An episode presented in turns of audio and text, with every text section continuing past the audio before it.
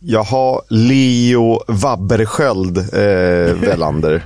det var kreativt. Ja. Eh, det är den första som har sagt det.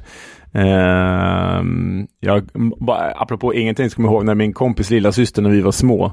Eh, de hette liksom Kajsa och Lisa, och dåliga namn att ge till små barn. Men det blev ju bajsa och fisa förstås. Men då skulle de hämnas på mig, eh, på liksom eh, brorsans eh, kompis. Eh, så då blev det ju Pruttnard, tyckte jag var jävligt kreativt också, så här i efterhand. Ska då, har man, då har man tänkt till ändå. Då har man tänkt till ändå. Det var liksom ändå rätt bra för en femåring, kanske sexåring. Det är ju toppen, då har vi sänkt ribban eh, för podden. Nu kan vi ta upp den igen och göra det vi är absolut bäst på. Eh, prata eh, riktig engelsk fotboll som vi väljer att kalla det.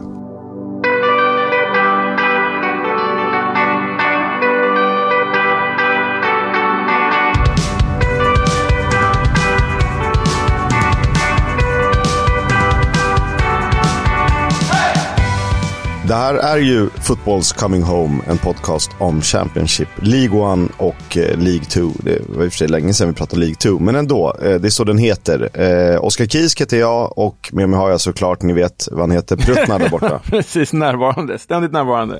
ja, det blev ju en, en dräpare till omgång eh, som var. Eh, och eh, vi tänkte att vi skulle göra om upplägget lite. Tidigare har vi pratat eh, väldigt mycket om alla matcher, men att vi fokuserar på de som faktiskt eh, betydde någonting på allvar och som, eh, som påverkade antingen en strid där uppe eller en kamp där nere. Eh, eller hur Leo? Mm, eller om det är något speciellt som händer i en match och sådär. Men eh, vi ska ge ett, de matcher som förtjänar det ordentligt med tid och de matcher som kanske inte spelar så stor roll, de, de rycker vi bara av plåstret på. Sen är det ett extra speciellt avsnitt idag, för vi har ju en intervju. Du har ju intervjuat självaste Svensenegger. Mattias Svensson, eh, det var ju stort. Det är ju en spelare man växte upp att eh, vad ska, ska, man säga, ikonisera. För att, jag var, det måste jag erkänna, han var ingen idol till mig. Däremot var det ju väldigt häftigt med svenskarna och det var ju Premier League oftast man kollade på den tiden, eh, sent 90, eh, tidigt 00-tal. Bara eh, innan vi skyndar vidare här då. Eh, Mattias Svensson idag, eh, jag tänker på liksom mer samtida svenskar i Premier League. Eh, Martin Pringle, typ. Um, hade de här spelarna nått Premier League idag, tror du? Och om inte, vilken nivå hade de nått då? Både ja och nej, men det har, alltså det har kommit in så vansinnigt mycket pengar. Så om du kollar var spelarna kommer ifrån så känns det ju som att det är andra länder. Eh, sen ser fotbollen helt annorlunda ut. Jag tänker eh, kost och näring och, och, och, fokus. Så att, men det är bara att se hur många svenskar som spelar Premier League. Att det går att tänka ungefär att Nja, va. Det är ju typ, eh, ja. Det är ju ett par stycken. Kulusevski, eh, Lindelöf, bland andra. Eh, Olsen sitter på bänken i Aston Villa. Augustinsson eh, hade väl en mindre lyckad sejour på Villa Park. Men jag tror ju att de är liksom toppen av Championship-nivå. Kanske så här pendellag, eh, Norwich, för att nämna ett eh, Svensson-gäng. Vad tror du själv? Ja, nej, men jag tror att om, om vi bara ska håll, förhålla oss till Mattias Svensson och Martin Pringle så ju, hade ju Mattias Svensson mer förtjänster skulle jag säga. Eh, men svårt att se att liksom en Premier League-klubb, ja typ Sean Dyche, Burnley, Sean Dyche Everton hade värvat Mattias Svensson idag. Annars, annars eh, vet jag fan, nej, men sådär topplag i the Championship. Jävla god karriär han hade ändå alltså. Pompey, Palace, Charlton, Derby, Norwich. Ah, ja, mer om det i intervjun, jag bara satt och drömde lite här. Så är det. Men det, sen är det också väldigt svårt att jämföra fotboll eh, 20 år sedan. Det är liksom som när man ska man ska dra kortet varför Pelé var en bättre anfallare än någon som är verksam idag. Eh, jag tycker det är väldigt... Eh, det, det, det, är klart man kan tycka att Messi är störst och bäst. Men det är svårt att jämföra spelare från olika eror. Eh, för Pelé var ju groundbreaking på sitt sätt. Men han skulle inte hålla i dagens fotboll. Å andra sidan var ju kanske inte den för spelarna som är idag och så vidare. Sen, Sen levde man annorlunda förr också. Ja, men... Helvete, nu blev jag historieprofessor. men om vi ska jämföra olika eror, då vill jag bara ha ett bokslut här. Då är ju, Matti... då är ju eh, Erling Braut Haaland är ju Mattias Svensson 2.0. Eh, ja, lite annan näsa för mål, men absolut. Eh... vi kör den liknelsen och så går vi vidare. Mattias Svensson i City. Ja. Fredagen bjöd på en match. Eh, det var väl inte så mycket att prata om. Burnley tog emot Sunderland. Den matchen slutade 0-0 och Burnley var inte ett av de tre lag på den övre halvan som vann sina matcher i helgen. Faktiskt bara tre lag, måste man ju säga. Nej, det var ju faktiskt eh, häpnadsväckande. Eh, och eh, intressant, för, intressant för tabellen i sig, för det innebar att det blir en del poäng utdelade i botten av tabellen istället. Men det som stod ut i den här matchen med svenska ögon, det var ju att eh, Hjalmar Ekdal inte spelade för Burnley. Istället var det ju Taylor Harvard Bellis och eh, Beijer som bildade mittbackslås. Och vi vet inte riktigt vad det beror på. Kanske att Ekdal fortfarande kände av den här smällen från landskampen mot Azerbajdzjan vet vi inte. Burnley var ju bättre än gästande Sunderland trots att Black Cats hade en boll inne. Jag tror att Burnley, som ju bevisligen har fel på räkenskaperna och har låtit Hjalmar spela nio matcher, och är mer eller mindre klara, inte vill betala ut eh, klausulpengar till Djurgården. Eh, för det får de när han har spelat tio matcher, om jag har, eh, om jag har rätt information. Alltså om, det, om så vore så blir det ju jävligt shady, så här, smuts italiensk affär helt plötsligt. Så kan man inte hålla på. Fan. Nej, och det, jag vet, eh, nu kommer jag inte ihåg om det var liksom fem eller om det var mer åt tio miljoner eh, när han spelat tio matcher. Men det är ju olika klausuler som kickar in beroende på om de går upp, etc. etc. Så att, och jag har väldigt svårt att se att de ska eh, gambla med fem pengar när de kan spela in en mittback som är värvad, till skillnad från Harwood Belly som de ju blir av med i sommar. Verkligen. Mer om det i nyhetssegmentet. Det eh, traskas vidare mot lördag eh, med snabba steg och till ett derby på Kenilworth Road. Mm, Luton mot Watford. Eh, och eh, det här är ju ett liksom det är ett speciellt derby, för, för med svenska mått mätt så är det ju inte derby, de kommer från olika städer och bla bla bla. Men med engelska mått mätt är det definitivt ett derby. Det här är ju värsta rivaler som möts. Det här är ju the game of the year för eh, Luton respektive Watford och eh, då blir man ju oerhört imponerad av lilla Luton som faktiskt gav eh, The Hornets det mycket större, det mycket rikare Hornets en rejäl derbydänga här, för det slutade ju 2-0 till The Hatters. Ja, men det är så fint också att se med eh, allt kring värvningsfilosofier och scouting och, och sättet de eh, attraherar och investerar i spelare. För Watford är ju eh, Potts och familjen. Det är ju en annan High Chaparral där. Det är silly season året runt känns det som. Medan Luton sakta men säkert har klättrat och förtjänat. Och lyssnar man på engelska tyckare så tror ju de att Luton når Premier League inom ett par år. Vare sig de gör det den här säsongen eller inte. Ja, och vi har väl redan varit inne på det också. Att, eh, eller jag, jag ska inte säga övertygad, men en, en del i mitt Middlesbrough ta direktplatsen tips istället för Sheffield United är ju också att jag tror att Luton skulle göra playoffet bäst. Och då skulle jag se det nästan nästan Luton som favorit före Sheffield United i playoff. Men eh, blir det Middlesbrough så ser jag Middlesbrough som en favorit. Så jag menar, så bra är Luton redan nu och de visade ju här också. Klara 2-0. Watford hade i princip ingenting och en extra krydda här är ju att Rob Edwards, Lutons tränare, satt ju på Watfords tränarbänk i början på säsongen. Han kom ju från Forest Green Rovers till Watford, fick sparken efter typ tio omgångar och nu är han ja, men kanske på väg att ta Luton upp i Premier League medan Watford är fast förankrat där i mittenträsket någonstans. Så äh, jävla kul svängningar och kul krydda till hela det här derbyt. Ja men absolut nöjdast i Luton på eh, lördags förmiddagen eller tidig, eh, strax efter lunch där. Eh, det är faktiskt så att sedan han tog över har ju bara Burnley och Borough tagit fler poäng och det visar ju vilken Ja men vad dåliga Watford är på att nyttja talang oavsett om det är på planen eller precis utanför planen. Ja, nej men eh, Ja, alltså, som sagt, de är inne på, de är inne på sin tredje tränare eh, och vi ska ju prata Wilder alldeles strax här, men jag vill bara fastna vid, om vi stannar eh, vid Watfords laguttagning. Ken Sema från start igen eh, och nu stod han inte ut på något sätt i den här matchen. Det var ingen Watford-spelare som gjorde det, förutom Daniel Bachman i, i Watford-målet som höll ner siffrorna. Men det man får säga om Ken Sema är fan att alla tränare älskar honom. Alltså nu är de inne på tredje tränaren för säsongen och han är lika ordinarie nu som i början av säsongen. Alltså han spelar ju 90 minuter oavsett vem som tränar och det är ju Ja, lite synd att han inte har spelat mer eh, om man säger vänsterbreddare eller vänster wingback egentligen. Eh, för här kan han ju äga en hel kant och han känns ju ändå hyfsat tillförlitlig bakåt och eh, lagom kreativ framåt. Mm. All, mm. Verkligen. Gabe Osho gjorde första målet och gjorde ju, ja det gjordes ju mot målet på samma sida där eh, de tillresta Watford-supportrarna stod och då körde han en liten skön gnugga ögonen boohoo. Ehm, och, och det är ju krydda i ett derby såklart. Ja, det hör ju till. Det är så jäkla bra. Och det var ju ös på Kenilworth Road när man såg bilderna här. Ehm, och vi har ju redan nämnt Bachman, att han var väl liksom den som höll ner siffrorna eh, innan Alan Campbell avgjorde då i 90 minuten för Luton. Men det jag fastnade för här, det var ju Wilders, alltså Watfords nya tränares presskonferens efter matchen.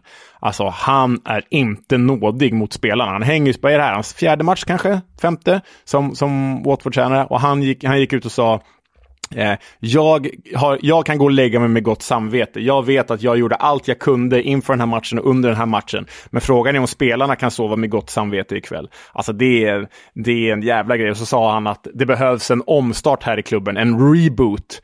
Uh, och då undrar man ju om han menar mer än bara spelarna också. Är det en jävla vågad dänga får man ju säga, för där kan man ju tappa ett uh, omklädningsrum. Ja, det är väl, det känns ju som att han har givit upp omklädningsrummet den här säsongen. Eh, det där kan du ju säga eh, bakom låsta dörrar och så är det någonting som läcker ut, det är väl så det är. Men det, du säger ju inte det öppet. För han tappar ju egentligen allas förtroende. Eller så säger han så utåt och så inåt han, eh, jag sa det sådär bara för att få eh, dem att tänka på något annat. Men eh, det känns ju inte riktigt så, utan det var helt mm. ärligt. Mm. Ja, spännande att se vad som händer vidare i Watford. Men playoffplatsen börjar kännas avlägsen, så är det i alla fall. Du har grävt fram rolig fakta. Ja, det här var ju faktiskt första gången sedan 1982 som Luton vann tre raka hemmamatcher i andra divisionen och håller nollan i alla de tre. Och vad hände då, Kisk? Då gick de upp till högsta divisionen. Ja, mäktigt, mäktigt. Jaha, ja, det är mäktigt. Leo slår alltså fast, Luton kommer att gå upp. Eh, och så går vi vidare till nästa, till nästa derby. För det var ju ytterligare ett, det var ju ännu fler till och med. P9 mot Blackpool, alltså Preston North End, uppe på Deepdale. Och eh, du har skrivit att Blackpool faktiskt var okej okay här, men eh, föll med 3-1 eh, gjorde de ju ändå. Ja, alltså det är svårt att vara okej när man faller med 3-1 i ett derby. Speciellt när man släpper in tre mål mot ett Preston som inte kan göra mål och ett Preston som är ganska usla på hemmaplan. Så jag vet inte, något är fel i Blackpool. Men chansmässigt, Blackpool skapade en hel del chanser. Men det var ju faktiskt bara Jerry Yates som kunde göra mål i 89 när PNI redan ledde med 3-0. Så ja, jag vet inte, det är väl ett överdrivet okej. Okay. Men spelmässigt såg de okej okay ut. Desto roligare var det ju att Brad Potts eh, gjorde mål för Preston North End mot sin gamla klubb och eh, du är ju helt rätt på när du har skrivit att han bara gör snygga mål. Är han liksom Englands Fabio Quagliarella, det här Brad Potts? Eh, en ny Matthew Letizier. Problemet är att Letizier gjorde ju väldigt många mål också. Eh, Brad Potts gör ju, det har ju Quagliarella gjort också genom åren. Eh, Potts gör ju så här 3, 4, 5 per säsong. Eh, bara jättebössor.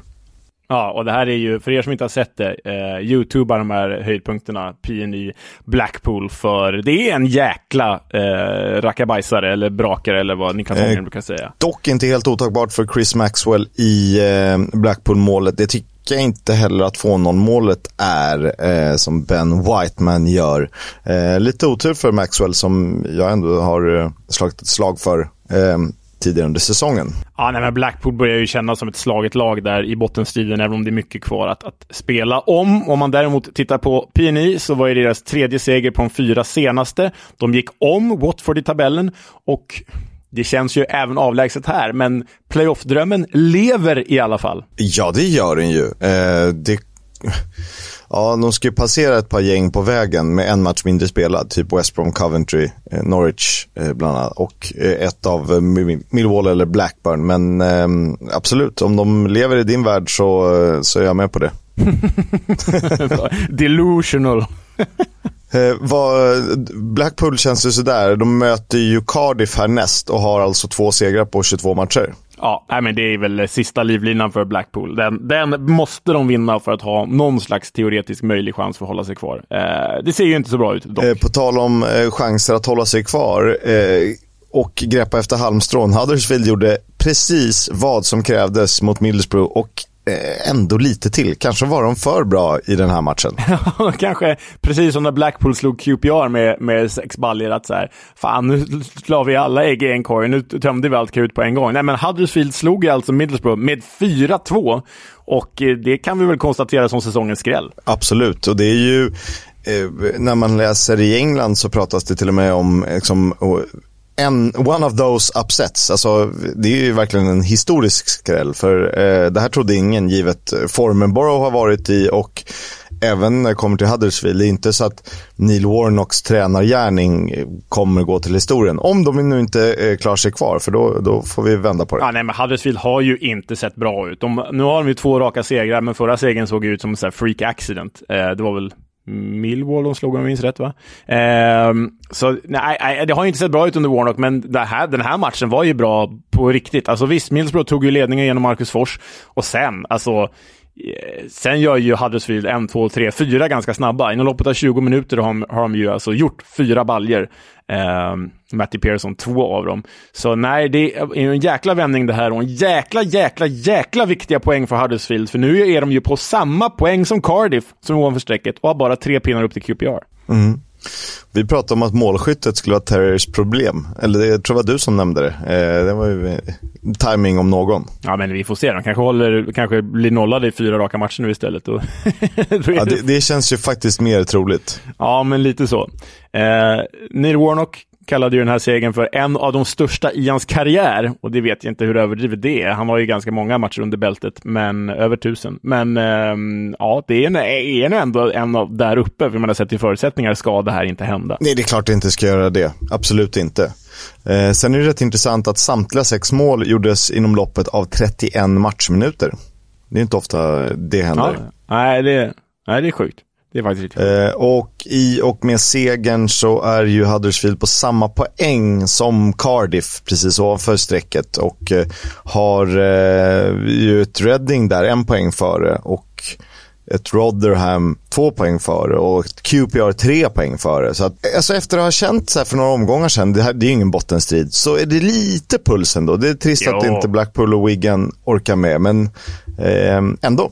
Ja, men Wigan orkar med. Det flaggade jag för i förra avsnittet. Wigan kommer liksom kliva i, göra eh, en Derby County-rush av det här i alla fall. Det tror jag. Men, men Blackpool kan vi slänga på någon avskrädeshög. Otroligt imponerande i alla fall. Huddersfield, Middlesbrough 4-2 alltså. Eh, på tal om just Cardiff då, som indragna i bottenstriden så spelade de derby, South Wales Derby. Eh, och det är såklart mot Swansea City och ingenting annat. Eh, och det här blev ju, som det brukar i derbyna numera. Ja, nej, det blev ju en Swansea-Victoria. För det är ju nämligen så att eh, Swansea vann den här matchen med 3-2. Avgjorde i 99 minuten genom Ben Cabango. Och det är ju en jävla grej. Eh, Eh, men det är ju så att Swansea har ju dominerat det här, det här derbyt och nu blev de alltså första lag att vinna dubbla derbyn två säsonger i rad. Det har aldrig hänt förut i den här derbyhistoriken.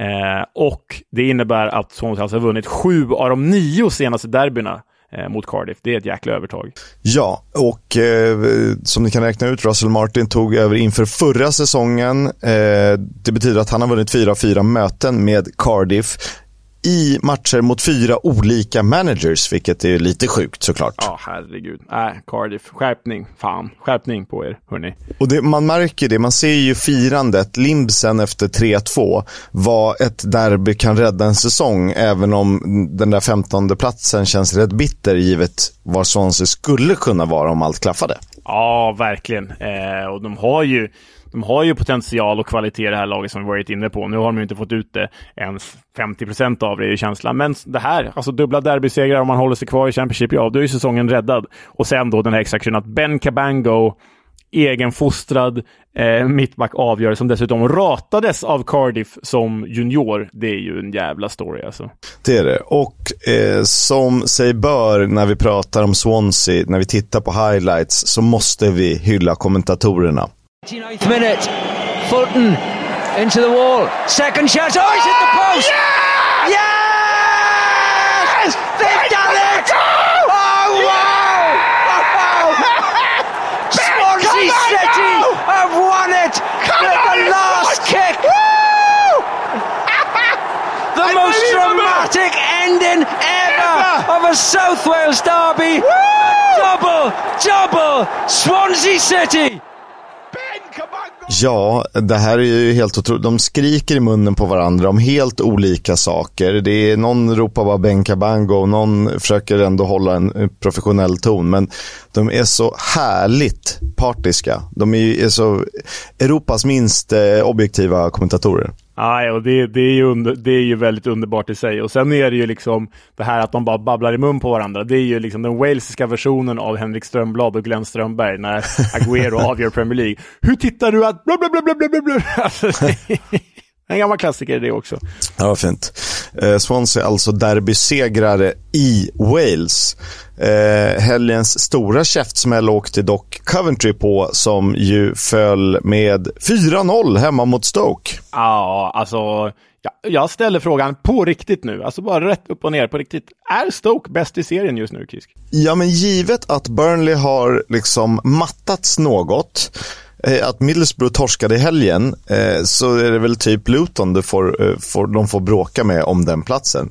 Men formmässigt har de ju visat att eh, har att nu är det ganska eh, långt till, eh, till playoff-chanser. Men det som vi har pratat om, det kommer för sent. Och det kan ju inte vara så här, nu är vi bra nu så ska vi vara bra nästa säsong, så är vi dåliga en halv säsong för att sen få folk att tro på oss igen. Nej, alltså det, då, då är det rätt att det är, Luton, det är Luton eller Stoke som gör bäst just nu, du har helt rätt i. Men Stoke helt plötsligt, alltså det här är ett Coventry som inte hade förlorat på nio matcher eh, och som verkligen gör en ordentlig playoff-push. Så bara åker de dit och nitar dem med 4-0 och det här är liksom Coventrys största förlust på två och ett halvt år.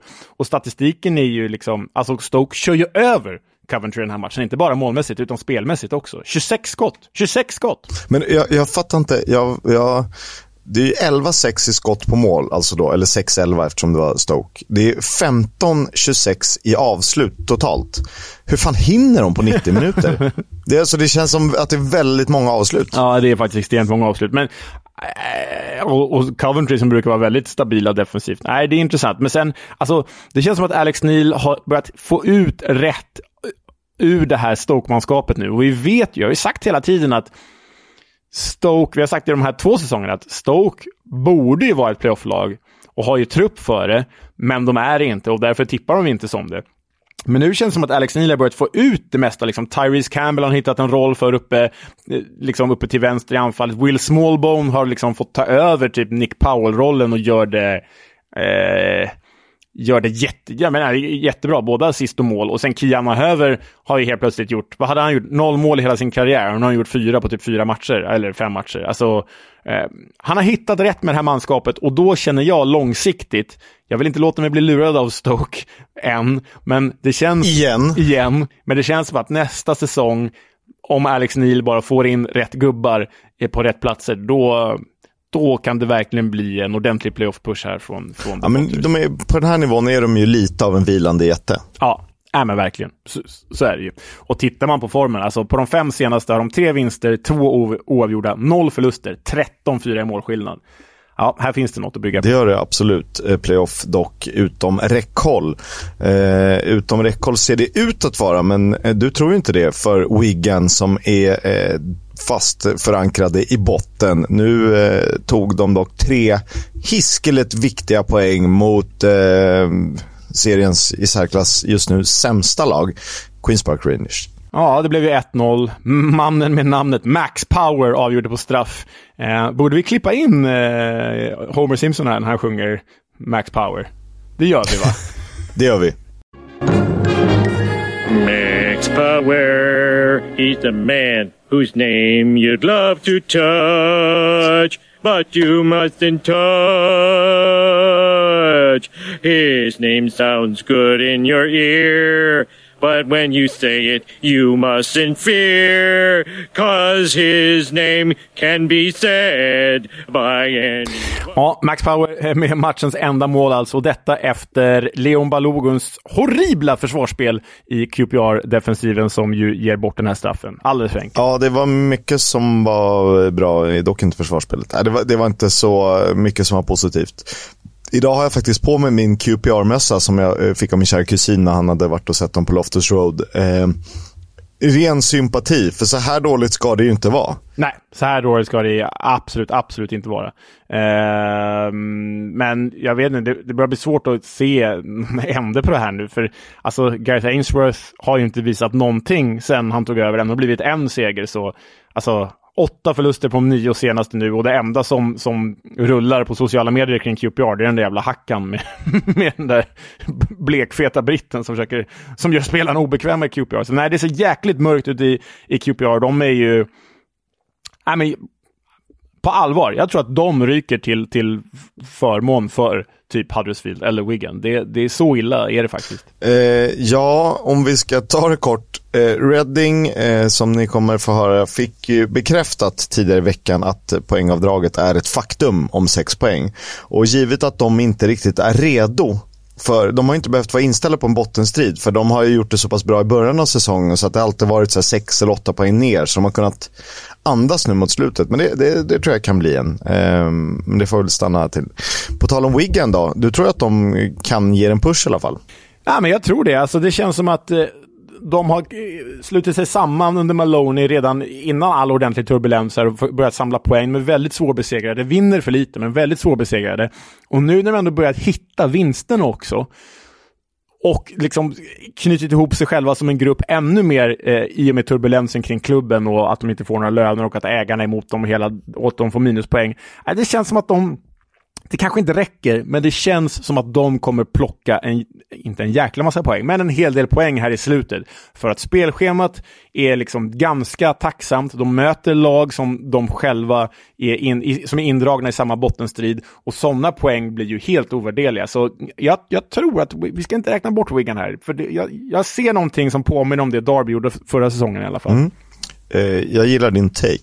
QPR, vad har de åtta förluster på nio senaste? Nu hade de ändå Chris Willock, Ethan Laird och Kenneth Paul tillbaka. Och det är ju en trio om något som absolut inte ska behöva se sig om efter Huddersfield, Cardiff och Reading.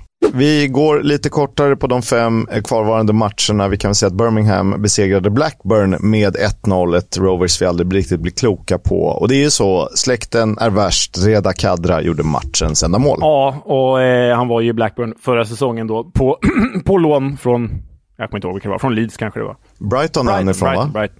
Eller? Skitsamma. Han gjorde hyfsat bra ifrån sig i Blackburn, nu sänkte han dem istället. Och Blackburn öste ju på i slutet, borde väl ha kvitterat här också. Men Birmingham löste den här tre poängen och i och med det så kan vi väl säga att de typ är säkra, att de klarat sig. Ja, men jag tror att det är ju ett eh, pärlband av lag på 48 respektive 49 poäng. Det är Hull, Birmingham, Swansea, Bristol City. Eh, de, kan, de är för bra för att åka ur, alltså på riktigt. QPR borde vara för bra, men har ju visat att de inte är det. Men eh, att Hull skulle åka ur, det vore ju en, en sensation om något. Eh, men jag tror, jag, jag, jag, jag, tror vi kan räkna dem som klara. Tror. Vi gör det bara. Ja, det gör vi. Vi måste slå fast mer saker. Eh, det vi kan slå fast är att Bradley Dack och Ben Brayton Diaz började bänk i den här matchen. Och eh, Birmingham, tre vinster på fyra matcher. Eh, ytterligare ett lag att inte bli klok på i denna underbara serie. Det som hade kunnat vara någon slags mittenmöte var nu mitten mot botten när Bristol City och Reading delade på, eh, de delade inte på varsin poäng, de delade på två poäng. Varsin poäng fick de alltså. Mm, det slutade ju 1-1 där eh, Tommy Conway var tillbaka från skada eh, i Bristol City, gjorde ju matchens första mål. Hans första mål i ligan sedan oktober. Och sen kvitterade den gode Lucas Schwau som ju Reading verkligen behöver hitta målformen på nu när de är direkt inblandade i bottenstriden. Framspelad av Andy Carroll. Spännande. Reading har vi redan pratat om. Hull Rotherham slutade också oavgjort 0-0, detta trots att Rotherham avslutade matchen med en man mindre sedan Domingos Quina blivit utvisad. Ja, men Victor Johansson bra i, noll, i, nollet, i målet, höll nollan igen. Eh, Rotherham hade dock noll skott på mål och har i och med detta faktiskt bara fyra segrar sedan oktober. Det är ju inte jättelovande när de nu kliver in i följande spelschema. West Brom, Norwich, Luton, Burnley. Åh, oh, fy fasen. Nej, det är mar mm. mardröm. Det, det, det är ju... Eh, alltså man kan ju välförtjänt för, förlora alla dem trots att man har gjort bra matcher. Och då är det nog frågan om inte två, tre av lagen bakom har tagit tillräckligt många poäng. Men eh, det får vi se. Vi håller tummarna för Victor Johansson, var han nu spelar eh, efter sommaren. Så är det toppmöte i form av Norwich Sheffield United och här befäster väl Sheffield United sin position som tvåa bakom Burnley i Championship. Ja, för James McAtee gjorde ju matchens enda mål när The Blades vann med 1-0 på Carrow Road. Det är ett jäkla starkt resultat givet hur eh, ja, men svajigt Blades ändå varit på slutet. Ehm, jäkla tuff match också. Här förväntar man sig kanske lite, lite skönspel, åtminstone från Norwich, men det var bara tufft, hårt och fult. Det var som att det här var helgens derby. Ehm, Jäkla fula tacklingar och många kort och Max Aarons försöker filma till sin straff. Äh, äh, men stökig match. Så. Ja, det är väl ett desperat Norwich mot ett eh, Sheffield United som vi vet kan grinda sig till poängen och som har ett jäkligt ramstarkt försvar. Det är deras styrka. Och USPen de har gentemot Middlesbrough i kampen om andra platsen. För de har ju en hängmatch till godo. Det är väl rätt eh, tuff match där om jag inte missminner mig. Det är väl eh, mot eh, hemma mot West Brom i april. Repris på Battle of Bramall Lane. Eh, men vin, skulle de vinna den, då har de helt plötsligt nio poäng. Och då eh, tror jag inte Middlesbrough är... Nej, nej exakt. Eh, för nu sex poäng ner till Borough. Ah, jag måste ju stå fast vid att Borough kommer ta den där direktplatsen, men det börjar se mörkt ut för Borough. Desto bättre ut för Blades. Eh, såklart. Eh, sjukt att deras försvar var så starkt så att Norwich hade sitt första avslut på mål i den 92 minuten. Ja, det är ju det är sjukt. Då kan vi nästan räkna Sheffield United till direkt. Nej, det ska vi inte göra än. Eh, West Bromwich Albion mot Millwall eh, slutade 0-0. Ja, vad ska man säga? Hyfsat jämnt. Chanser åt båda håll. Eh, ineffektivt där Millwall eh, kanske hade kunnat vinna, men där West Bromwich också absolut hade kunnat vinna. Ehm, Viktig poäng för Millwall ändå. Den, det gör inte så mycket att de tappar två här, givet att de tar en på bortaplan. Ja, och givet att nästan ingen annan på övre halvan vann, så, så mycket viktigare för Millwall. Det här är ju två förlorade poäng för West Brom. Eh, så. Men nu när man ser resultatet i efterhand, hade den kunnat sluta något annat än 0-0. West Brom, Millwall den här säsongen. Det känns verkligen 0-0. Nej. Alltså Blackburn, Norwich och Coventry eh, förlorade och West Brom, eh, eh, eftersom de spelade matchen, kryssade ju. Så att ehm, det här var ju bra resultat, helt plötsligt. Listen, Swindon. Sweden. It's a country, you tool.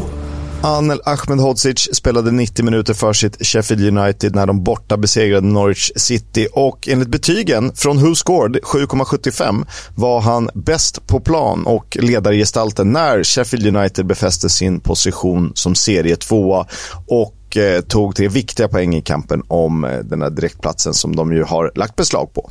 En annan svensk som höll nollan var ju Victor Johansson som spelade hela matchen för Rotherham uppe i Kingston upon Hull. 0-0 stod för en matchvinnande räddning, fick 7,02 i betyg av Who Scored och utöver Victor var det också Ribban som säkrade poängen.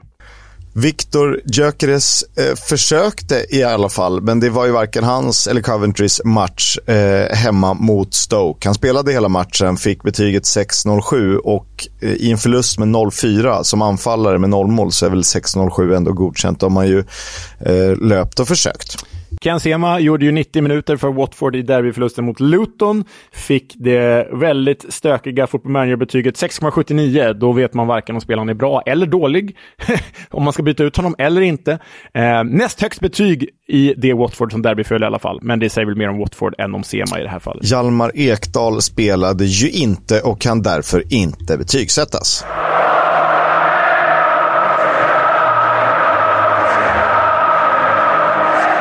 Footballs Coming Home sponsras av Stryktipset, ett spel från Svenska Spel, Sport och Casino. För dig över 18 år. Stödlinjen.se.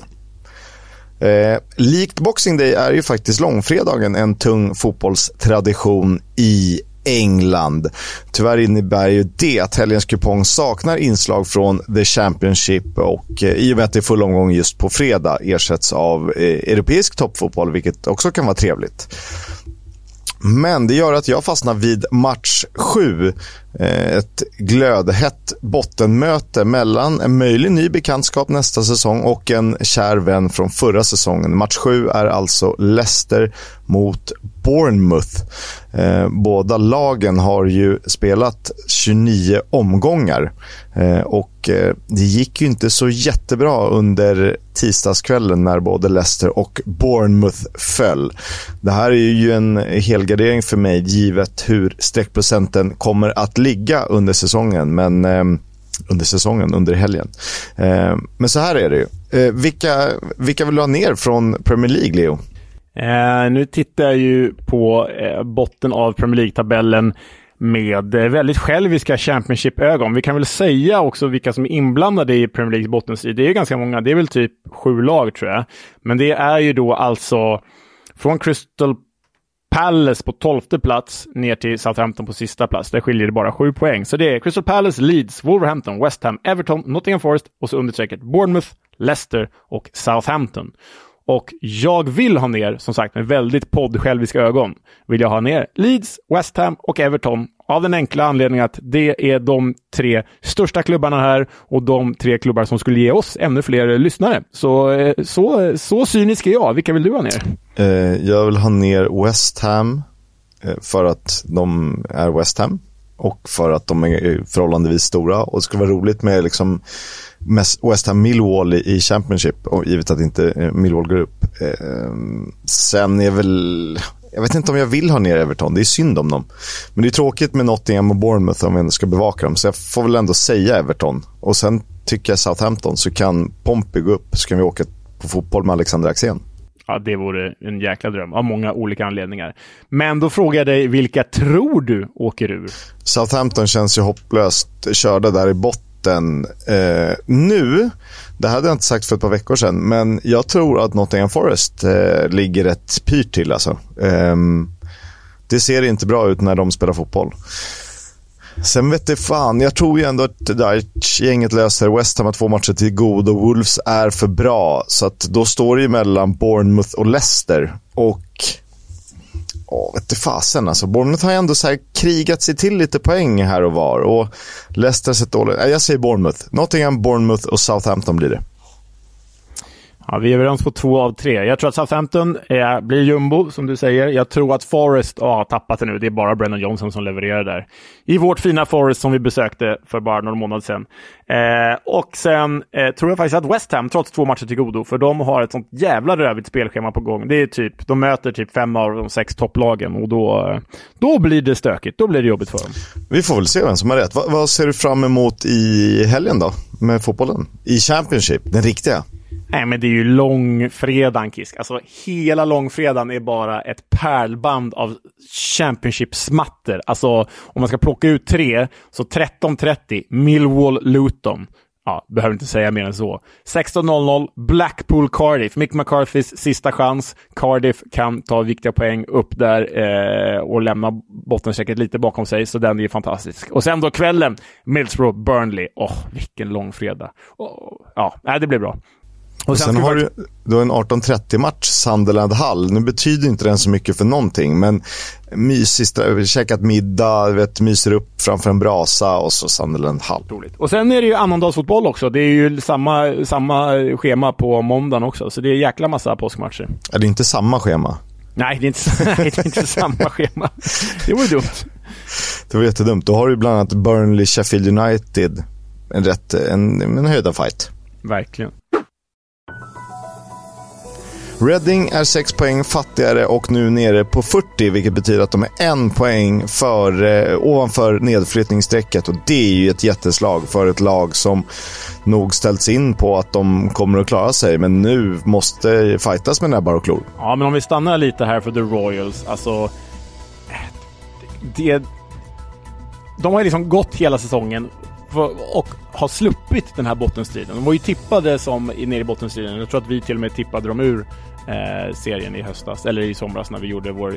Jag tror de, var inte de vår jumbo? Jo, det tror jag nog. Och jumbo kommer de väl inte bli, men tänk att det har gått hela den här säsongen utan att behöva tänka på bottenstriden.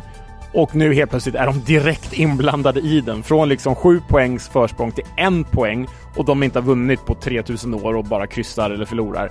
Nu är det jävligt jobbigt psykologiskt läge för, för Reading, för de är ju inte inställda på det här, som alla andra där nere faktiskt är. Um, det här kan sluta mer illa än vad man kanske tror, känner jag. Eh, lite så känns det. Jag är nog med dig här. Eh, och jag vet inte om de har laget för att klara det där eh, riktigt. Eh, det återstår att se. Vidare på nyhetsfronten då så är det nämligen på så sätt att Aston Villa uppges jaga Anel Ahmedhodzic med en prislapp på 20 miljoner pund. Fler klubbar sägs vara intresserade, men det är väl tveksamt att Blades skulle släppa honom om de nu skulle nå Premier League. Nej, det är klausuler och löneförhöjningar och sign-on eh, eller sign-in-bonusar som eh, kickar in då för eh, den gode svensk Bosnien. IFL har beslutat att matchen mellan Rotherham och Cardiff ska spelas om trots att den avbröts i den 48 minuten med Cardiff vid ledning då 1-0. Cardiff är med all rätt oerhört upprörda över detta. Eh, den ska ju spelas om i sin helhet den 25 april och det är ju inget annat än otroligt märkligt, tycker jag. Nej, jag förstår inte hur man har resonerat här. Det är ju ett... Eh, nog för att vi håller tummarna väldigt eh, eh ojournalistiskt partiskt för Rotherham, men men jag förstår inte hur man resonerat kring det här. Man berövar ju Cardiff. Man berövar inte Cardiff på poäng. Man, man berövar dem på en ledning och på förutsättning att hålla sig kvar i the Championship. Alltså, i och med att det här är ett sånt utsatt läge som det är i tabellen också blir det en extra smäll. Det vore ju annat om det var Stoke mot Hull i mitten av tabellen. Ja, spelar roll. Men och du vet, i det här täta spelschemat också ska de åka upp dit igen och, och spela av. Nej, alltså det var väl några år sedan det var någon Champions League-match där man bara spelade Eh, nästa dag spelar man klart de sista typ åtta minuterna. Jag tror att Real Madrid var inblandade i det där. Alltså, det är ju, det är ju så de borde ha gjort här. Det här är, ja. det här är ett rån, tycker jag. Eh, det tycker jag också. Det känns ju inte rättvist på något sätt. Särskilt inte eftersom det fanns filmklipp med eh, att de vattnade planen samtidigt som det regnet öste ner. Eh, nej, gör om, gör rätt. Och hade inte Cardiff varit så i så prekär situation tycker jag de borde struntat ja, i att åka dit. Ja, men, ja, men verkligen. Tagit, tagit minuspoängen i, i protest. Och det här, alltså, blir det här ja. säsongsavgörande? Vi säger att Cardiff faktiskt förlorar den här matchen och sen åker ur på en väldigt liten marginal, poängmarginal. Då, äh, fy fan. Nej, jag hade kokat med att Cardiff-supporter alltså. Kokar typ nu, fast jag ogillar Cardiff. Ja. West Bromwich-ägaren Guishan Lais skuld till klubben, till West Brom, på 5 miljoner pund har avskrivits. Ett lån som Lai genomförde för att rädda slash stötta ett annat av sina egna företag. Eh, så det är ju nämligen så att eh, Guishan Lai har ju avskrivit skulden till sig själv i princip. Fansen är nu oerhört upprörda över att pengarna inte kommer tillbaka och det väntas ju vidare protester mot den kinesiska ägaren. Det förstår jag. Eh, vi fortsätter på West Brom där Dara O'Shea, mittbacksklippan, missar resten av säsongen på grund av en knäskada. Och, eh, andra skador som sätter käppar i hjulet för lag är ju så att Ched Evans dras med en nackskada och det innebär att han missar återstående kommande spelprogram för Preston North End. West Ham har eh, enligt uppgift scoutat Bristol Citys Alex Scott. Eh, värderas till 25 miljoner pund och har man sett honom spela så förstår man varför Premier League-klubbarna vill ha honom. I ryktesväg så sägs Newcastle vill ha Taylor Harwood Bellis just nu på lån i Burnley från Manchester City, lovande mittback. Under tisdagen kom uppgifter att eh, Blackpools sportchef Chris Badlan, som ju drog från Coventry så sent som i november, lämnat sitt uppdrag med omedelbar verkan. Blackpool eh, skriver dock att de inte kommer lämna några övriga kommentarer och då undrar man ju vad som har hänt. Och med det har vi kommit fram till eh, veckans intervju. Och eh, ni vet ju redan att det handlar om Mattias Svensenegger Svensson och här finns det ju roliga stories efter alla hans år i England. Kisk, du träffade honom. Mattias Svensson med en bra bit över 100 matcher i världens bästa andra liga. Eh, dock hade spelat sedan det började kallas Championship. Men en svensk ikon som, eh, för oss då som har växt upp med engelsk fotboll. Eh, hur är läget? Det är bra, bara bra. Härligt. Eh, Portsmouth, Crystal Palace, Charlton, Derby, Norwich eh, var de fem klubbar du representerade i England. Och rakt på sak då, vilken trivdes du bäst i? Oj, det där är ju... Eh, jag skulle ju vilja säga bra här nu när jag är lite chill här, men jag skulle vilja säga att eh, jag har eh, upplevt fantastisk tid i alla de här klubbarna.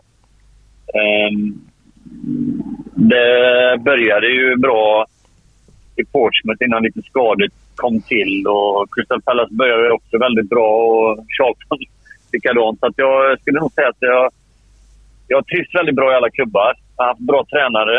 Eh, men kanske om man ska välja ut något så... Ja, men kanske Norwich sista året var fantastiskt när vi var i Premier League och vi hade ju värvat in både Mattias Jonsson och eh, Thomas Hellweg då, som kom från Inter här närmast. Eh, där vi köpte varsin lägenhet i ett, eh, i ett hus eh, där vi bodde grannar och umgicks 24-7 i stort sett. Så, ja, men det var sjukt eh, roligt tid. Häftiga klubbar såklart. Har du, har du kontakt med, med någon av klubbarna idag? Jag skulle säga att jag har kontakt med alla klubbar faktiskt.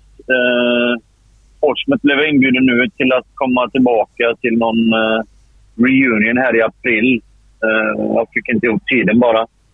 Eh, Crystal Palace har jag ju. Det är ju eh, några av ägarna där. Eh, och också Steve Parrish då, som är chairman. Han är ju, det är ju goda vänner till mig som eh, eh var supportrar då, men har, eh, äger klubben eh, till i alla fall 51 idag. Eh, Charlton har jag också kontakt med, med också många gamla spelare. Eh, Derby är väl kanske det jag inte har direkt någon koppling med just nu. Eh, och Norwich har jag såklart eh, också en hel del. Eh, det är ju många av mina gamla lagkamrater som har gått och blivit tränare och vissa har varit lyckade. Vi har väl haft en fyra stycken som har varit tränare i Premier League och en del har fått sparken och en del har tränat eh, klubbar i lägre nivå. Så att, eh, ja, men jag försöker hålla god kontakt med de flesta tycker jag, av de, i alla fall lagkamraterna och en del gamla tränare också. Vilka av de gamla spelarna och tränarna eh, stod ut, både då, där och då och lite nu då? Vilka, vilka har du bäst minnen av och, och mest kontakt med? Uh, ja, men man kan alltså... Uh, hela min resa har väl inte riktigt kommit fram till hur jag blev proffs egentligen, mer än att visst, jag gjorde en jävla massa mål för Elfsborg och vi gick upp i Allsvenskan och jag drog. Men jag hade ju en jävla tur på vägen för att uh, Terry Venables, eh, som hade varit, eh, var då förbundskapten 96 när det var EM i England eh, och eh, hade sin hjälptränare Ted Buxton där eh, när de torskade semin mot Tyskland och eh, de fick lämna landslaget. Och köpte Terry Venables Portsmouth Football Club och skickade över Ted Buxton för att titta på en match på Hjällbovallen i Göteborg där Gunnelse skulle möta Elfsborg. Och då visade det sig att de åkte över för att titta på Jeffrey Aubin. eh, och eh, vi vann med 6-0 och jag gjorde två mål. Och då ville de köpa mig till Portsmouth. Jag, jag har Jeffrey Aubin mycket att tacka för. Jag har inte pratat med honom om detta än. Jag tänkte jag skulle ta honom en dag när jag träffar honom när han är tränare för ÖIS. Att kunna få berätta för honom att jag är tacksam för honom för att jag fick en fin fotbollskarriär. eh, och det var fantastiskt att komma till Portsmouth och Wennerburg som då hade tränat både Barcelona och Tottenham bland annat. Så det var ju en jättestor stor grej för mig att komma dit. Eh, så det var, det var en, en, en viktig del i min karriär för att komma... Ja. Terry har jag väl haft lite kontakt med. Ja, eh, det var precis det jag tänkte fråga. Har ni kontakt idag? Ja, men nu är det väl kanske tre år sedan jag pratade med honom senast. Um, träffade han faktiskt för några år sedan också på Gothia Cup där han höll på med att bedriva och starta lite fotbollsskolor runt om i världen. Barcelona har han en och så har han också någon nere i Malaga och sen har han någon i Indien faktiskt. Prat om Sverige var det då, men jag tror inte, han, jag tror inte det blev så. Eh. Det är väldigt många gamla spelare. Alltså, vi pratar ju, det var ju roligt med en eh, final här mellan Italien och eh, England för vad är det, två år sedan nu. Eh, och då var det ju Attilio Lombardo som jag spelade ihop med i Crystal Palace som var hjälptränare i italienska landslaget. Och så var det Chris Powell som var vänsterback i, i Charlton eh, som var assisterande också i eh, engelska landslaget. Så det är roligt att se att de lyckas, grabbarna.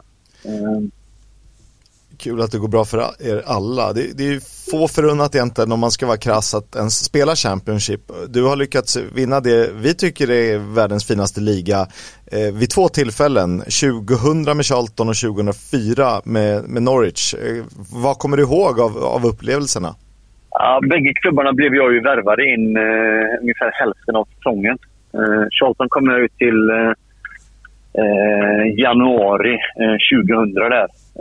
och Ja, det jag vet att det finns någon fråga på Trivial Pursuit där i England om att vem som sköt Charlton upp till Premier League. Och det, det gjorde ju jag när jag gjorde 1-0 mot Blackburn borta. eh, sen bidrar jag inte jättemycket mer det året faktiskt. Jag tycker att det gick rätt dåligt för mig. Jag kom från, jag kom från Crystal Palace eh, som har en rival som heter Charlton sen gammalt. Eh, Charlton kunde inte spela på sin arena under ett antal år och då fick de arrendera in sig och spela på Sellers Park. Och jag tror inte de eh, eh ja, de har en stor rivalitet mellan varandra. Så jag var inte direkt välkommen när jag kom till Charlton. Men eh, jag lyckades väl eh, år två eh, hitta supportrarnas förtroende. Men eh, det var en tuff start i början i. Och Norwich, eh, seger med Norwich det är den som är eh, mest närbelägen tidsmässigt då. Det måste varit helt otroligt. Ja, men det var det.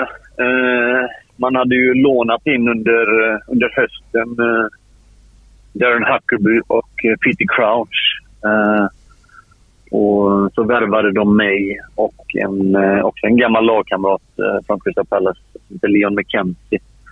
Där vi eh, gick in och spelade ihop eh, direkt första matchen mot Ipswich borta. Vilket är deras stora hatderby. Och eh, vi lyckades vinna. Leon gjorde mål och, och vi vann. Så det, var, det var en jättebra start. Sen köpte vi ju eh, Hackeby också. Eh, vilket också var fantastiskt för, eh, för oss och, och för mig som spelade väldigt bra ihop med, med Darren. Och, eh, men hela den upplevelsen, liksom, det var ju, jag hade varit i London i sju år och bott och flyttade till Norwich eh, som är lite mer lantigt av sig där man kanske som boråsare är mer van i en miljö eh, runt det. Men just hela den här eh, familjära stämningen som eh, är och eh, var i Norwich, den var ju helt fantastisk med att eh, när vi vann och firades på stan. Det var ju, de pratade om att det var typ 150 000 personer runt om när man åkte runt i dubbeldäckare och alla hade gulgrönt på sig kanariefågelfärger. Så att, eh, ja, det är minnen för livet, absolut. Det, det är det verkligen. Och otroligt häftiga derbyn också, just som du nämner. Old Farm mot Ipswich. Vad, hur eh, laddar man upp inför ett sånt och vad var stämningen där? Alltså mitt första derby var ju, det var ju liksom, jag kom ju från Charlton och hade ju liksom inte såklart jättemycket rivalitet uppbyggd uppbyggt inom mig. Så första derbyt var ju, det var ju fantastiskt att vinna för man upplever ju såklart hur mycket det betyder för supportrarna och liksom hela den eh, biten. Eh, och överlag så blev det ju ännu mer att eh, man ville ju bara vinna de derbyna och jag förstår att man absolut eh, även ett derby på den nivån är lika stort som när Manchesterklubbarna möts och när Liverpool möter Everton. Så att rivaliteten i stan och i området är ju gigantiskt stor och det byggs upp så hetsk stämning på något sätt. Eh, det var nog lite värre då än vad det är nu i och med att det fanns ju rätt mycket bråk vid sidan om planerna som höll på eh, på den tiden när jag bodde där. Men nu är det mycket bättre kring, kring matcherna som tur är. Det är det ju verkligen. Eh, om vi talar just eh, då, stämning och upplevelse. Vilken är den bästa arena du spelat på? Och det, kan man, det finns ju olika parametrar för vad som är en, en bra arena. Men eh, häftigaste upplevelse, och det kan vara även någon du har spelat i en klubb du har spelat för, men, eller som du har mött?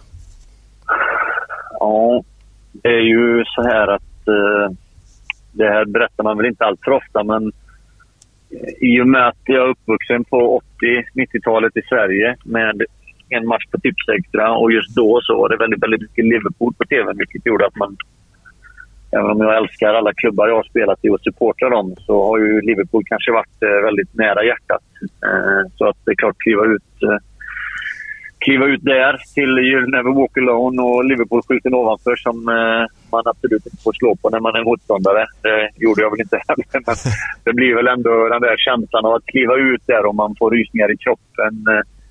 Samtidigt som när man kliver över den där vita linjen så handlar det om att vinna matchen. Men just den där känslan och supportrarna där, det, det skulle jag nog säga är det, det bästa jag upplevt faktiskt. Och, och Sen har det varit väldigt många, alltså, många andra arenor som har varit fantastiska att få spela på. Och, och vad, om du skulle säga, vad har varit det jobbigaste? Ja, det var ju jobbigt såklart, men värsta? Många brukar ju prata om Millwalls The Den som är riktigt tuff att komma till. Vilken kände du dig minst på om vi säger?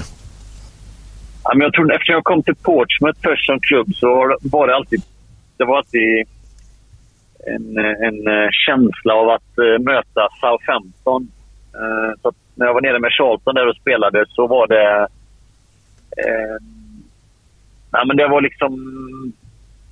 Man hade en känsla i kroppen av att här ska vi bara vinna. För att det var, det var en rivalitet som jag byggde upp tidigt när jag flyttade till England. Att man var tvungen att, ja, men de här tycker man inte om. Det är våra rivaler och de ska vi absolut inte ha.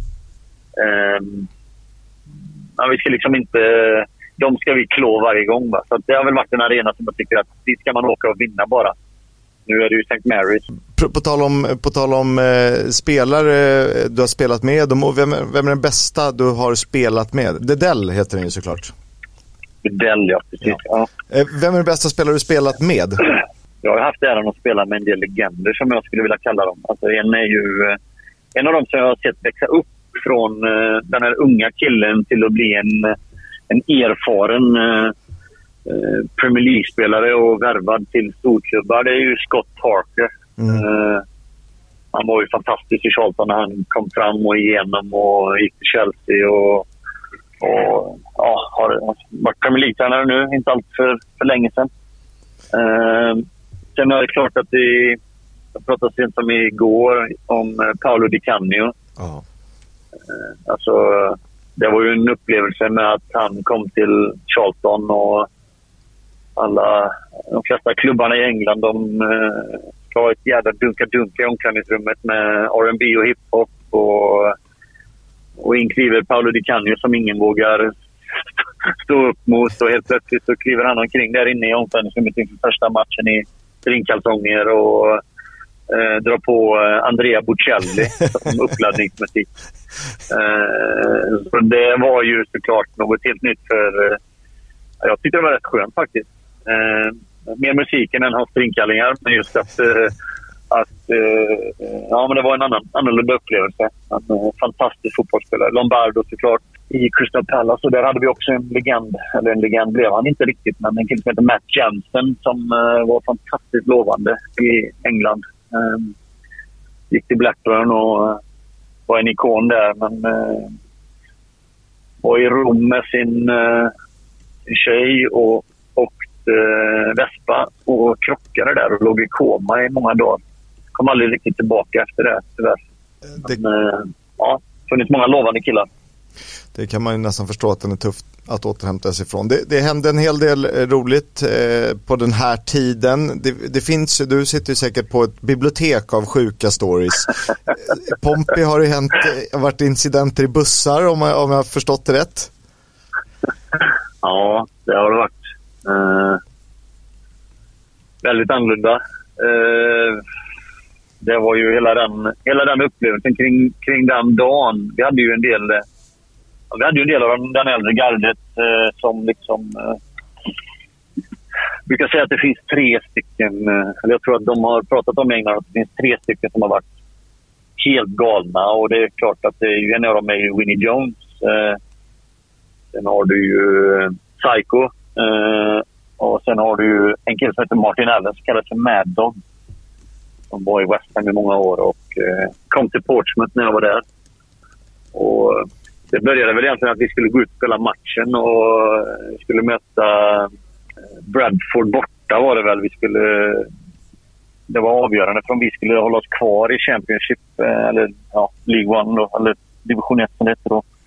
Um, vilket gör att när vi ska kliva ut och spela matchen så står min anfallspartner som jag ska spela på topp med, John Dörning, som också kallas Johnny Lager, en gammal Liverpool-spelare. Som jobbar för Liverpool idag faktiskt. Eh, där han står ensam kvar i omklädningsrummet efter jag varit på toa. Där han står och haltar ur en whiskyflaska. och för mig var det min viktigaste match i karriären. Jag menar, vad fan håller du på med?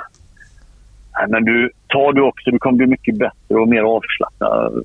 Alltså det tog ju tio minuter in på matchen innan jag kunde släppa det. Vad fan var det jag upplevt just nu? Uh, och sen när jag är ute och föreläser idag och de senaste åren så, så är det som att säga, men fan, jag skulle nog tagit några klunkar där på den där flaskan för han, han gjorde två mål och vi vann med 3 så att det, det visade sig vara lyckat. Uh, och sen på vägen hem då, där du nämnde lite, så uh, är vi i en buss uh, på väg tillbaka till Portsmouth. och vi har ju såklart party. Det är ju hård party, vilket på den tiden, pratar 1990 798 var detta då. Eh, då var det varje gång mängder av backar öl i bussen på vägen hem från bortamatchen. Men än mer den här gången. Och då hamnade jag på ett bord eh, i bussen om fyra på andra sidan satt eh, Mad Dog som ja, man var ju livrädd för han för det var liksom det var en riktig hårding. Och så rätt som det är så känner jag något under bordet på mitt ben och jag undrar vad fasen är det? Ja, då sitter han och pinkar på mitt ben.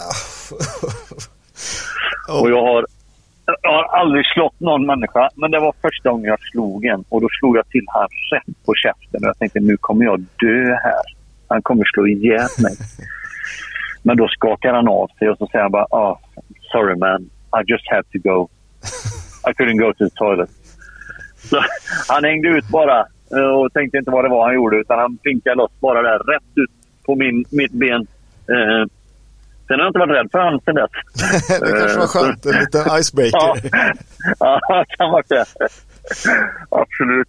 Eh, ty tycker du att det här är liksom ändå signifikativt för stämningen och kulturen i omklädningsrummet på den här tiden? För eh, hör man och läser man om den här tiden så kändes det som det var väldigt alkoholromantiserade eh, för att ändå vara professionella elitidrottsmän.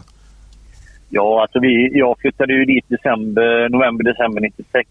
Eh, och det är klart, då levde man i den här pubkulturen som har funnits i många, många år. Den var på väg att förändras då, men det var många klubbar som levde kvar i den. Alltså sista klockan ett efter träningen så åkte du och tog en bira.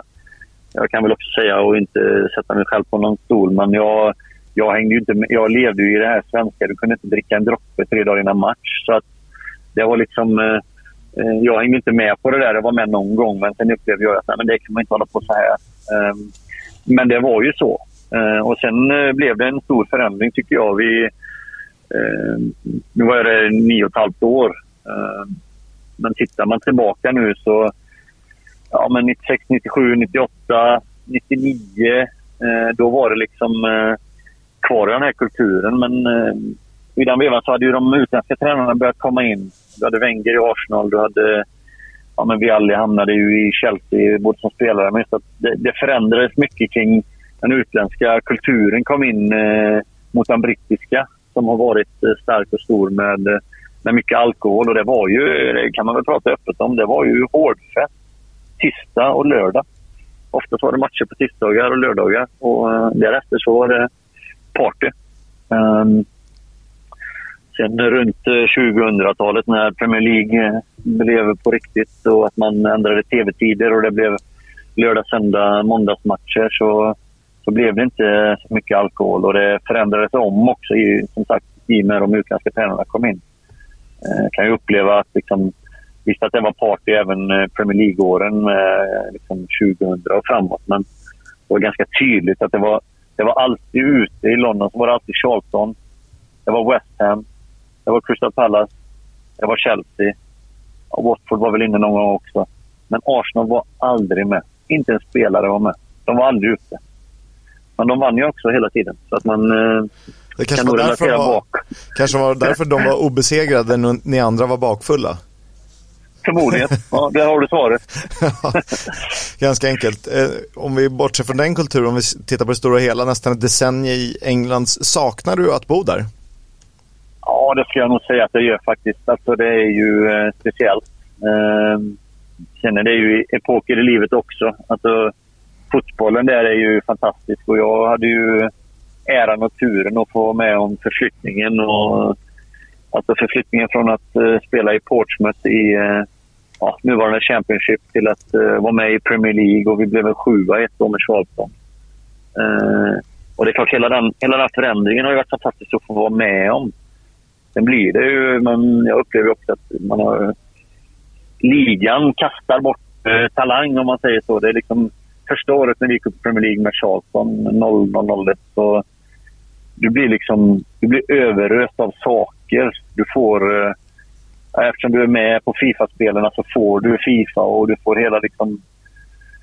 Du får både spel och liksom hela, hela Playstation-spelet. Eh, Eh, sen får du guldkort på McDonalds som gör att du, du kan åka och äta hur mycket du vill. Eh, varv efter varv om du vill köra drive-through. Men det är liksom... Det är ju eh, det är ju mindre bra när du är 19 år och en supertalang som tycker att shit, jag tar med mina polare och sen köper vi till 20 personer och så visar man kortet så äter man gratis. Det har ju också såklart inte påverkat till ett positivt, eh, en positiv matkultur för den yngre generationen som kanske tycker att man tränar mycket och att man har råd att äta. Det är väl absolut gott med den typen av mat. Men eh, vill du prestera på topp så behöver du ladda med andra saker. I ett land som överlag har eh, en intressant matkultur. Jag älskar ju eh, att vara i England men det kanske inte är liksom nationalrätterna alltid som är de bästa. Nej, det har du väl rätt i, absolut. Superfint, härligt att prata engelsk fotboll med eh, Svensenegger, den eh, gamla ikonen eh, väljer att kalla dig. Eh, stort tack för att du tog dig tid Mattias eh, och kör hårt. Eh, tack så mycket själva. Ha det bra. Ja, eh, vad säger du Kiss? Det, är en speciell historia han bjuder på där. Ja, eh, att börja känna, sitta i en buss och börja känna att benet blir lite varmt för att bänkgrannen liksom eh, hänger ut paketet för att lätta på trycket. Det är ju eh, speciellt och det är ju från en svunnen tid. Eh, och då förstår man väl att han eh, nitar honom. Eh, men så var det ju för eh, otroliga stor stories och en, en, en otrolig fotbollsperiod. Jag vet inte ens om man vill vara en fluga på väggen i alla de bussar på den tiden eller, eller om det är liksom guld värt. Hur mycket dokumentärt bisarrt material som helst som han har gått miste om. Kanske. Ja, ja eh, jag har gjort någon Norwich eller Derby inifrån, eh, liknande serie. Det hade nog kunnat, eh, då hade man nog kunnat luta sig tillbaka nu och njuta. det tror jag också. We'll have a chat about the fucking game. About your game, last few months, last few weeks. Fucking character. Neil Warnock eh, har varit hyfsat lugn nu, men det är ju två raka för Huddersfield och sju poäng på nio matcher och 4-2 mot Borough, så då kan han ju inte säga så mycket uppseendeväckande. Eh, så vi får ta oss till Wales och Swansea. Vi gör ju det, för där var ju nämligen så att Swanseas materialare av alla släpptes fram av Russell Martin för att hålla ett eh, vad säger man? Brandtal säger man väl? Eh, inför derbyt mot Cardiff FF. We'll talk about what's really important before the game. Mike is going to say a few words because I asked him too early on this week. Um, it's really important what's happened in the last three games here and what we felt together. I want you to remember that and what the same feeling again after the game today. And what it's meant to this guy, people like Lakey, people like Chef, Sean Poirier, people have got club in here, in here, and will do forever. And the impact it can have on, on them and us as a group, how we can make people feel. So I think it's really important. So Mike going to speak, then you crack on and get ready, and then we'll talk to us before we go out. Right? Yes, please. You all know me, I'm the man, but most importantly, I'm a supporter. I was there first, I was there as a kid, my family, we were all there. And today, you lot playing good, you play for them. They're not good enough to play you, you are.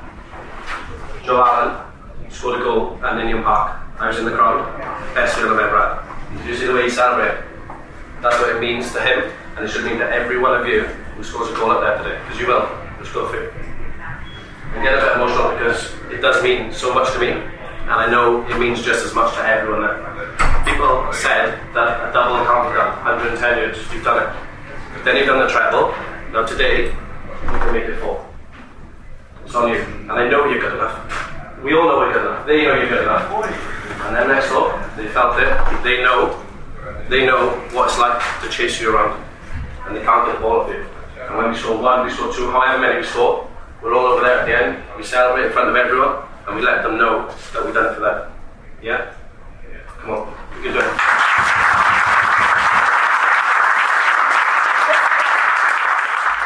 Ja, det är fint att höra någon prata som både anställd av klubben men som materialare och berätta minnen om eh, när han stod på läktaren och fick se eh, spelare från en annan tid avgöra matcher. Det tror jag eh, hjälper till ganska mycket för känslan inför ja, ett derby. Nej, men det är jäkligt. Det är fint av Russell Martin också att liksom uppmärksamma andra delar av staben på det här sättet. Nej, jag tycker det är Swansea är fint på så många sätt. Det är synd bara att de har de här jäkla eh, amerikanska riskkapitalisterna som ägare. Eh, som inte förstår sig, på, förstår sig på fotboll. För det är mer sånt här eh, Swansea och vi behöver. Ja, och Russell Martin känns ju på alla sätt och vis väldigt eh, sympatisk. Ja, verkligen. Det var allt för idag. Eh, kort trodde vi, eh, men då hade jag inte räknat med att vi har eh, cirka 20 minuter Svensson att gotta oss i. Det jag kan nästan lyssna om, eller ska nästan lyssna om på den. Ha det som godnattsaga den där piss i bussen står. Godnattsaga lät som det var jättetråkigt. Ja, nej, men somna till tonen av Svenssons varma ben. Nej, gud. Nej, men vi ska önska er en glad påsk så hörs vi med eh, dubbla omgångar färskt i benen eh, någon gång under nästa vecka. Det blir eh, matigt. Det blir det. Adjö. Guishan Lai.